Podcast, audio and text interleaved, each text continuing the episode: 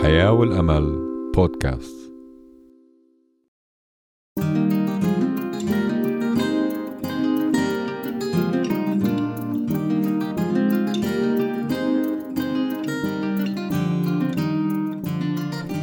إذاعة صوت الحياة والأمل لحياة أفضل.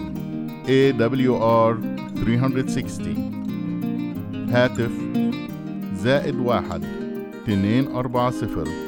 تسعة صفر صفر تسعة تسعة تلاتة تسعة. بريد الإلكتروني هوب at awr نقطة org.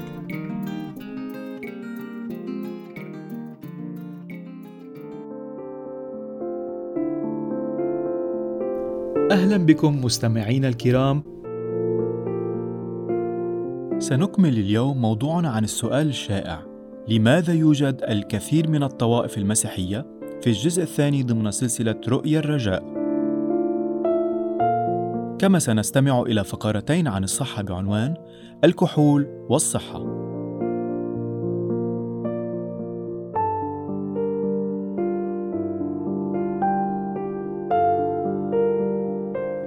تحدثنا في المرة الماضية عن سبب وجود العديد من الطوائف والأختام في رؤية ستة.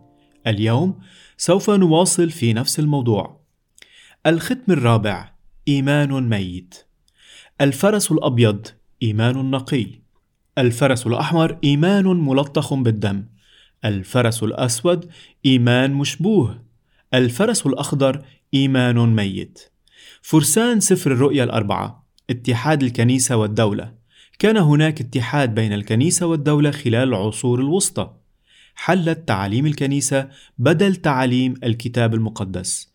تم تقييد المسيحيين المخلصين بالسلاسل خلال العصور المظلمة وتم نقلهم إلى مكان حيث تم حرقهم. خلال هذه الفترة أدت خطوات التسوية إلى نزول الكنيسة. أخذت تقاليد الإنسان مكان كلمة الله. أصبحت أعمال التكفير مكان نعمة يسوع المسيح. تم تقديم صكوك الغفران، أي يمكنك دفع المال وشراء طريقك للخروج من المطهر، والذي هو من المفترض مكان بين الجنة والجحيم. طورت الكنيسة هذه الفكرة. جاءت العديد من التنازلات. استبدل التسلسل الهرمي للكنيسة يوم السبت بيوم الأحد. حلت العقائد البشرية محل التعاليم الواضحة لكلمة الله لقرون تم تجاهل حق الله هل تم نسيان حق الله إلى الأبد؟ هل سيضيء نور الحق مرة أخرى؟ هل ستكون كلمة الله أساس الكنيسة مرة أخرى؟ استمع إلى هذا. في رسالة يهوذا 3 أيها الأحباء إذ كنت أصنع كل الجهد لأكتب إليكم عن الخلاص المشترك. قررت أن أكتب إليكم واعظا أن تجتهدوا لأجل الإيمان. المسلم مرة للقديسين. هنا يقول الكتاب المقدس أن الله سوف ينهض رجالا ونساء ليحاربوا بجدية من أجل الإيمان الذي تم تسليمه للقديسين. سوف يسطع نور الحق مرة أخرى. سوف يقيم الله الرجال والنساء الشجعان الذين سيكونون أمنا لكلمته. كان أحد هذه المجموعات الولدنسيين كانوا مسيحيين مؤمنين بالكتاب المقدس الذين عاشوا في شمال إيطاليا وجنوب فرنسا. احتقرت الكنيسة هؤلاء المؤمنين الأتقياء، لقد كانوا مضطهدين بوحشية، فروا إلى جبال الألب.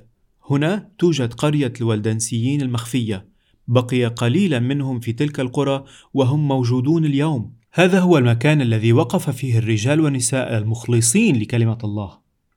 قالوا أذهاننا أسيرة لكلمة الله. هذه مدرسة سرية للكتاب المقدس حيث درس الشباب الولدنسيين كلمة الله وطبعوها. بعد ذلك تم إرسالها إلى بلدان ومدن أوروبا كطلاب أو بائعين متجولين. وعندما وجدوا الفرصة كانوا يتركون أجزاء من الكتاب المقدس مع الناس. استعاد الولدانسيين حقيقة الكتاب المقدس والكتاب المقدس فقط، لقد أعادوا تلك الحقيقة القائلة بوجوب إطاعة كلمة الله وكلمته فقط. بدأ الله يقيم مجموعة متنوعة من الرجال والنساء.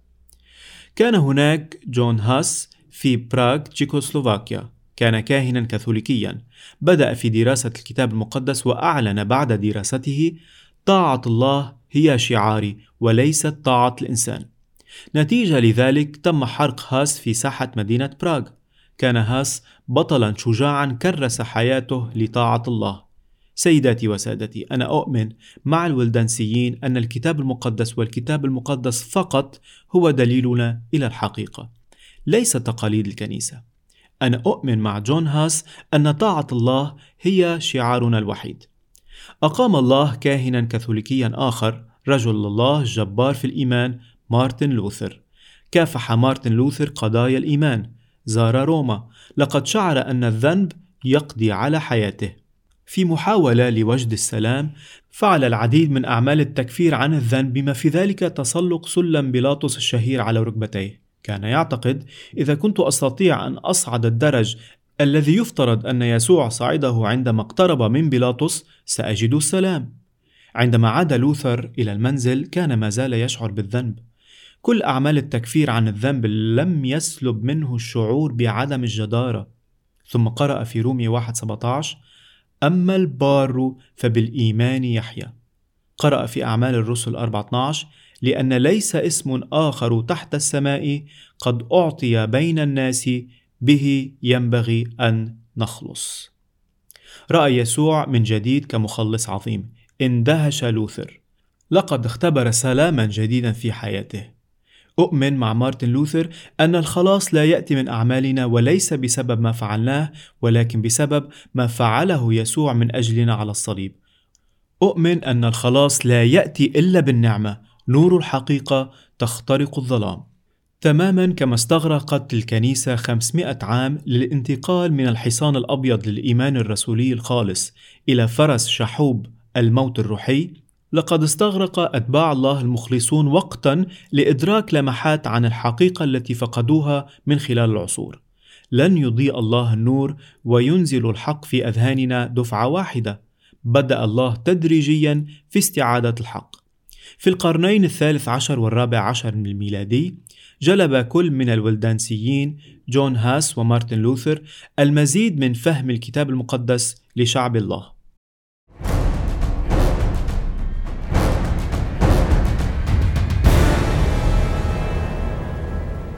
إذاعة الحياة والأمل AWR 360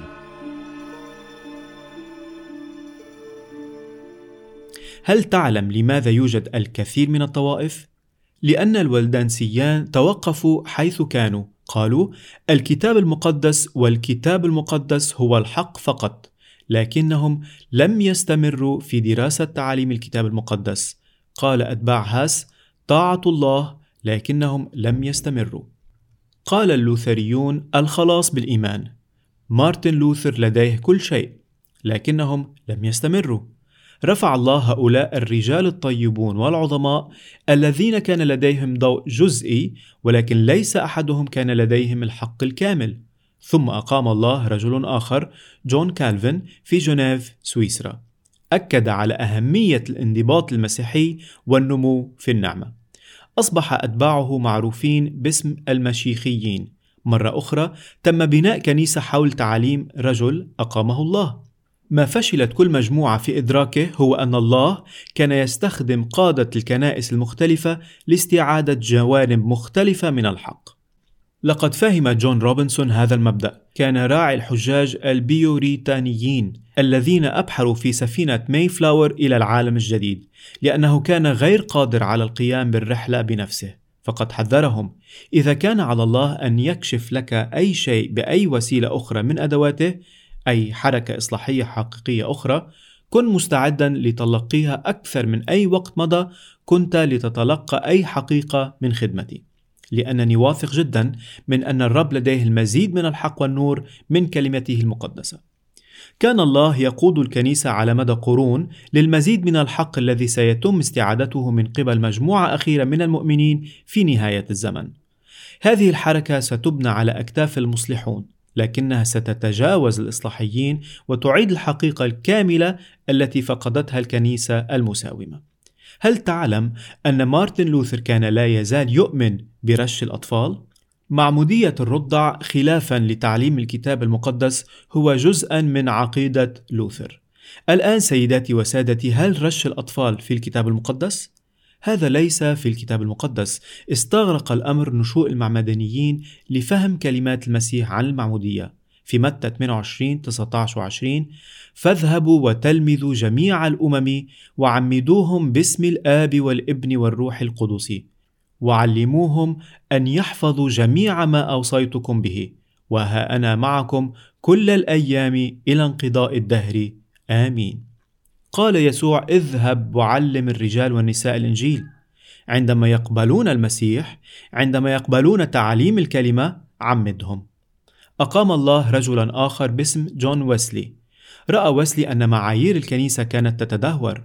لقد رأى أن التسلية والملذات والممارسات في العالم كانت تدخل إلى الكنيسة. لذلك أقام الله جون ويسلي وأظهر له أنه عندما يدرس الرجال والنساء الكتاب المقدس فإنهم يفعلون ذلك ليعيشوا حياة مقدسة وصالحة. أنا أؤمن بالقداسة. أعتقد أن الكنيسة يجب أن تكون منفصلة عن العالم. أعتقد أنك إن كنت مسيحيا يجب أن تبدو كمسيحي وأن تأكل كمسيحي وتذهب إلى الأماكن التي يذهب إليها المسيحيون. الادعاء أنك مسيحي ولكنك تشرب الخمر وتنغمس بالملذات واللباس العالمي ليس من المسيحية، إنه خداع للذات. كان يوجد رؤية أخرى للحقيقة ضائعة منذ زمن طويل والتي يجب استعادتها، حقيقة المجيء الثاني للمسيح. أقام الله واعظا قويا اسمه ويليام ميلر ليعلن حقيقة المجيء الثاني لربنا. في هذا الوقت أهملت الكنيسة إلى حد كبير حقيقة عودة ربنا. أقام الله حركة جديدة تسمى حركة الأدفنتست، ودعي الأدفنتست لأنهم آمنوا بأن المسيح قادم أو يأتي قريبا. هل تعتقد أن يسوع سيأتي قريبا؟ أعتقد ذلك أيضا، لذا فأنا من الأدفنتست. ولكن كانت هناك حقيقة كتابية مهمة لم يتم استعادتها بعد حقيقة أن الإيمان يقود إلى طاعة وصايا الله والحقيقة الخاصة فيما يتعلق بالسبت كرمز لسلطة المسيح على الخلق. سيقيم المسيح حركة اليوم الأخير التي ستعيد أخيرا الحق بشأن وصايا الله العشر في وقت كسر الوصية. حركة اليوم الأخير التي من شأنها أخذ تعليمات الله بجدية من خلال يسوع. يوحنا 14 15 تقول: إن كنتم تحبونني فاحفظوا وصاياي. سيكون ليسوع حركة اليوم الأخير الموضحة في كتاب الرؤيا. سيدعو الله البشرية جمعاء: واسجدوا لصانع السماء والأرض والبحر وينابيع المياه. سيدعو الله البشرية جميعا لعبادة الخالق. سيدعو الله البشرية إلى كل الحقائق في الكتاب المقدس. سيدعو الله البشرية لقبول السبت كرمز لقوته الخلاقة. في عصر التطور سيستعيد الله الحقيقة على الخلق ويوم السبت الكتابي سيكون لدى الله مجموعة من الأشخاص الذين استعادوا الحقائق المفقودة في العصور المظلمة. سفر الكتاب المقدس الأخير سفر الرؤيا يحدد هذه المجموعة من الناس. أين شعب الله؟ في رؤيا يوحنا 14-12 هنا صبر القديسين هنا الذين يحفظون وصايا الله وإيمان يسوع سيكون لدى الله مجموعة من الأشخاص الذين لديهم إيمان كامل بيسوع وقبلوا الكتاب المقدس بأكمله على أنه كلمته الحقيقية في هذه الأيام الأخيرة. سيكون لديه جماعة من الناس يحفظون وصاياه لأنهم يحبونه ويعبدون الخالق بأمانة كل سبت حسب الكتاب المقدس. سيكون لدى الله شعب مدعو رجال ونساء من كل أمة ومن كل عرق رجال ونساء من كل مجموعة لغوية شعب مدعو. أنا من الولدانسيين لأنني أؤمن بالكتاب المقدس والكتاب المقدس فقط. بشكل جزئي أنا من أتباع هاس لأنني أؤمن بأن طاعة الله هي شعارنا الوحيد. بشكل جزئي أنا لوثري لأنني أؤمن بالخلاص بالنعمة من خلال الإيمان بيسوع المسيح. بشكل جزئي أنا مشيخي لأنني أؤمن بتنظيم الكنيسة كما يعلمه الكتاب المقدس. بشكل جزئي أنا معمداني لأنني أؤمن المعمودية بالتخطيص. بشكل جزئي أنا من أتباع وسلي لأنني أؤمن بأن الله قد دعانا إلى القداسة. أنا أدفنتستي لأنني أؤمن بالمجيء الثاني للمسيح وأنا من الأدفنتست السبتيين لأنني أؤمن بسبت الكتاب المقدس لليوم السابع. وأنا أؤمن بأن لله شعب في سفر الرؤيا يدعو إليها الرجال والنساء. اليوم يفعل الله شيئا غير عادي. إنه يجمع الناس في حركة يومه الأخير حول العالم. يشعر مئات وآلاف من الناس أن هذا هو وقت الله لاستعادة كل الحقائق التي ضاعت عبر العصور. إنهم يقبلون حق الله إنهم يسيرون في الماء ليعتمدوا. إنهم يتبعون يسوع المسيح. إنهم لا يريدون مذهبا يقوم على الإنسان ولا يأتي إلا جزءا منه للخروج من أخطاء وتقاليد الماضي. أمضي كل الطريق مع يسوع. أمشي في حقه. أيها السيدات والسادة أعتقد أن الله أوصلكم إلى هذا البرنامج الإذاعي لسبب ما وهو يقول لك يا بني هذه لحظة قدرك. هذا هو وقت فرصتك. اتبع تلك الحقيقة. هل تود أن تقول ليسوع اليوم شكرا لك يا رب؟ يا رب أريد أن أتبع هذه الحقيقة.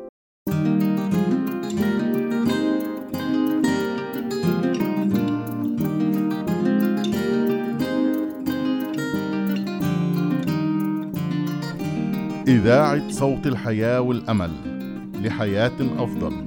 AWR 360 هاتف زائد واحد اثنين أربعة صفر تسعة صفر صفر تسعة تسعة ثلاثة تسعة. بريد الإلكتروني hub at awr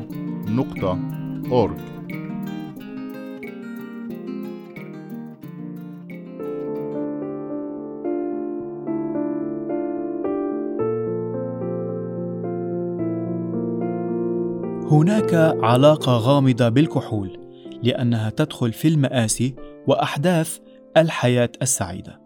التحدي هو هل نواصل ببساطة تقليد الشرب أم نتخذ قرارا شخصيا؟ الملايين والملايين من الناس لديهم علاقة غامضة بالمشروبات الكحولية. نحن نعلم جيدا كيف يتسبب الكحول في حوادث المرور المروعة. ويرتبط بالعديد من الأمراض المميتة وخراب العلاقات.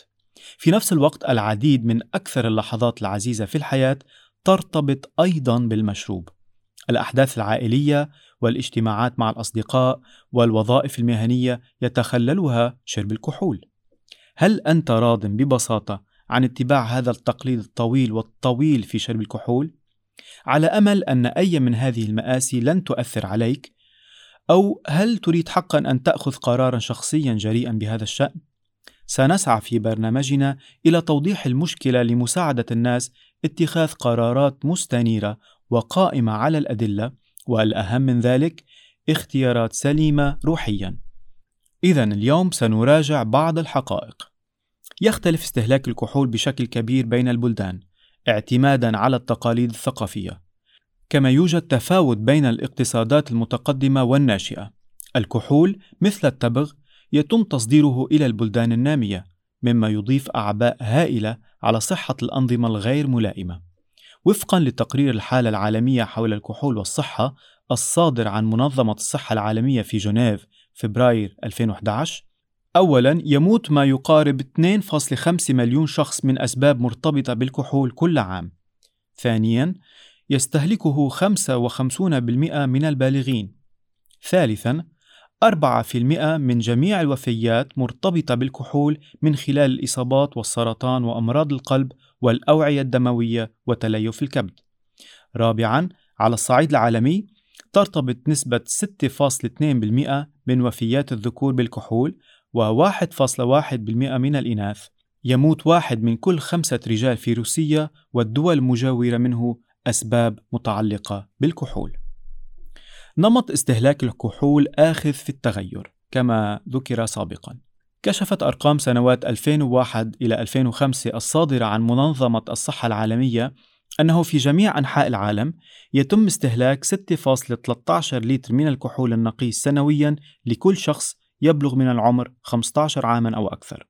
هذه الكمية بدت مستقرة في الأمريكيتين وأوروبا وشرق البحر المتوسط ومناطق غرب المحيط الهادئ ومع ذلك يوجد زيادات ملحوظة في أفريقيا وجنوب شرق آسيا مع استهلاك سنوي يبلغ 9.9 لترا للفرد فإن اليابان أعلى بنسبة 66.3% من العالم متوسط المستوى لكنه لا يزال أقل عند مقارنته بالاستهلاك في معظم البلدان الغنية.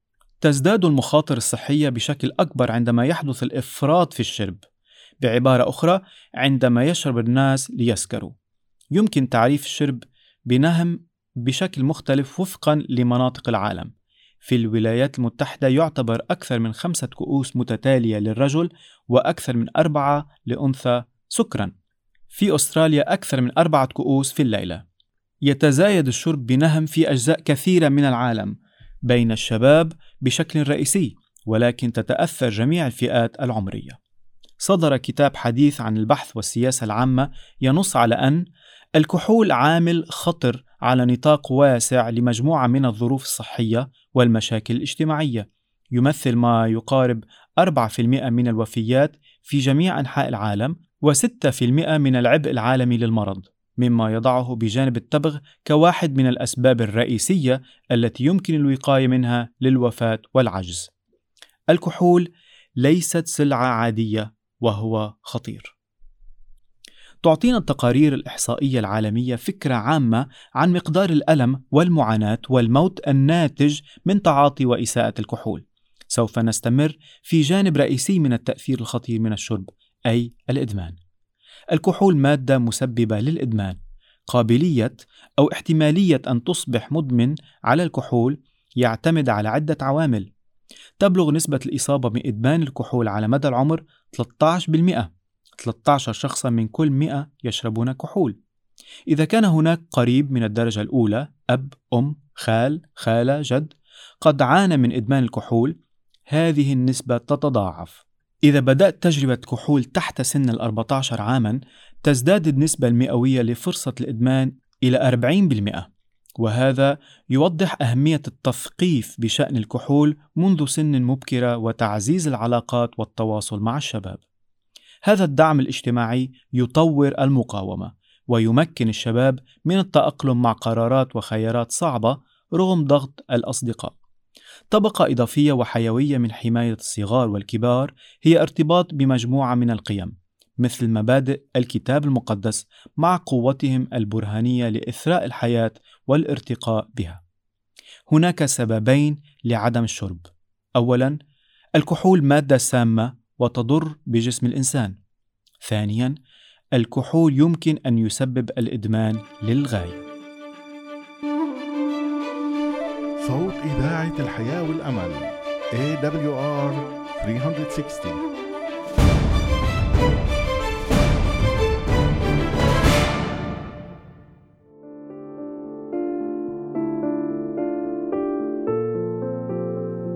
نواصل اليوم حديثنا عن الكحول لمدى أهمية هذا الموضوع. في السنوات القليلة الماضية تلقت التقارير التي أشارت إلى أن كمية معينة من الكحول مفيدة للدورة الدموية الصحية الكثير من الاهتمام. لسوء الحظ لا تؤخذ التقارير التي تكشف عن خطورة العواقب الوخيمة على الصحة كما ينبغي. اليوم سنناقش العلاقة المثبتة بين الكحول وأخطر الأمراض في مجتمعنا السرطان. الكحول والسرطان. السرطان هو أحد الأسباب الرئيسية للوفاة على مستوى العالم. مثال مثير للاهتمام على العلاقة بين شرب الكحول والسرطان تأتي من الاتحاد الأوروبي حيث السرطان هو السبب الثاني الأكثر شيوعا للوفاة ويتم تشخيص 2.5 مليون شخص بالسرطان كل سنة. تشير التقديرات إلى أن 10% من السرطانات لدى الرجال و3% عند النساء يمكن أن يكون مباشرة من استخدام الكحول. ومن المقدر أيضا أن 30% من السرطانات في هذا الجزء من العالم يمكن منعه من خلال خيارات نمط الحياة الصحية. وجد تقرير اليورو باروميتر سنة 2010 أن واحد من كل خمس مواطنين أوروبيين لا يعتقد أن هناك صلة بين الكحول والسرطان. واحد من كل عشرة يجهل تماما حقيقة أن استهلاك الكحول يمكن أن يسبب السرطان. للأسف الجهل لا يجنبنا العواقب. هناك أدلة قوية تربط بين الكحول كسبب لسرطان الثدي لدى النساء وسرطان القولون لكل من الرجال والنساء. تم تلخيص هذه النتائج والإبلاغ عنها في تقارير صندوق أبحاث السرطان الشامل العالمي لعامي 2007 و2011. النقطة أكدت بقوة في هذه التقارير العلمية والعديد من التقارير العلمية الأخرى أنه لا يوجد حد أو جرعة آمنة من الكحول قد يوصى بها لتجنب تأثيره المسرطن. هذا يضع المنظور على أي توصية باستخدام الكحول لفوائد صحية حتى للقلب لأن الآثار الجانبية المرتبطة به حقيقية وخطيرة. في الوقت المتبقي اليوم سوف نقدم بعض الحقائق عن تأثير تعاطي الكحول والمعتدي على العلاقات المتناغمة في المجتمع. الكحول والمجتمع من المعروف أن تعاطي الكحول مرتبط بالحوادث من جميع الأنواع وفيات الطرق والعنف المنزلي والقتل والاغتصاب والأنشطة الإجرامية الأخرى.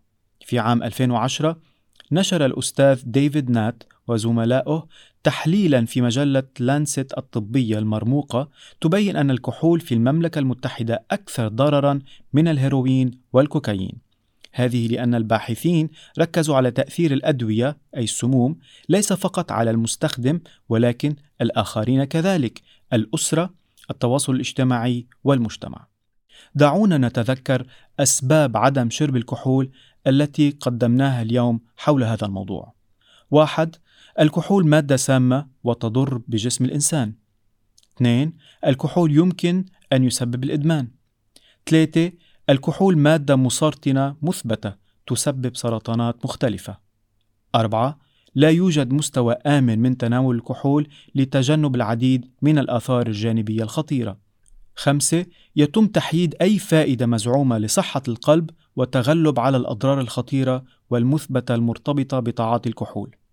ستة العواقب العالمية لتعاطي الكحول في ازدياد وكأشخاص مهتمين بالصحة ومواطنين مسؤولين نريد أن نستغل الفرصة والمسؤولية للتثقيف والرعاية لتعزيز المقاومة والقيام بدور رائد في الدعوة ضد تعاطي الكحول. فهل يجب على من لا يشربون أن يبدأوا في شرب الكحول؟ بناء على الأدلة بالتأكيد لا. هل يجب على من يشرب الكحول حاليا الإقلاع عن الشرب؟ بناء على نفس الأدلة بكل تأكيد نعم. هذا كل ما لدينا لهذه الحلقة، نتمنى أن تكون قد نالت إعجابكم، ونشكر حسن المتابعة. سنستمع غدا إلى المواضيع التالية: كنيسة الله في سفر الرؤيا ضمن سلسلة رؤيا الرجاء، وفقرتين عن الصحة بعنوان نقل الدم وداء الرتوج.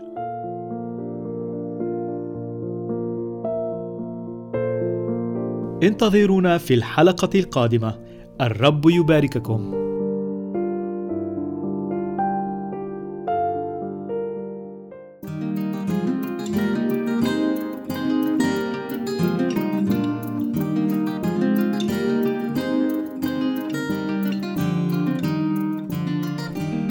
إذاعة صوت الحياة والأمل لحياة أفضل.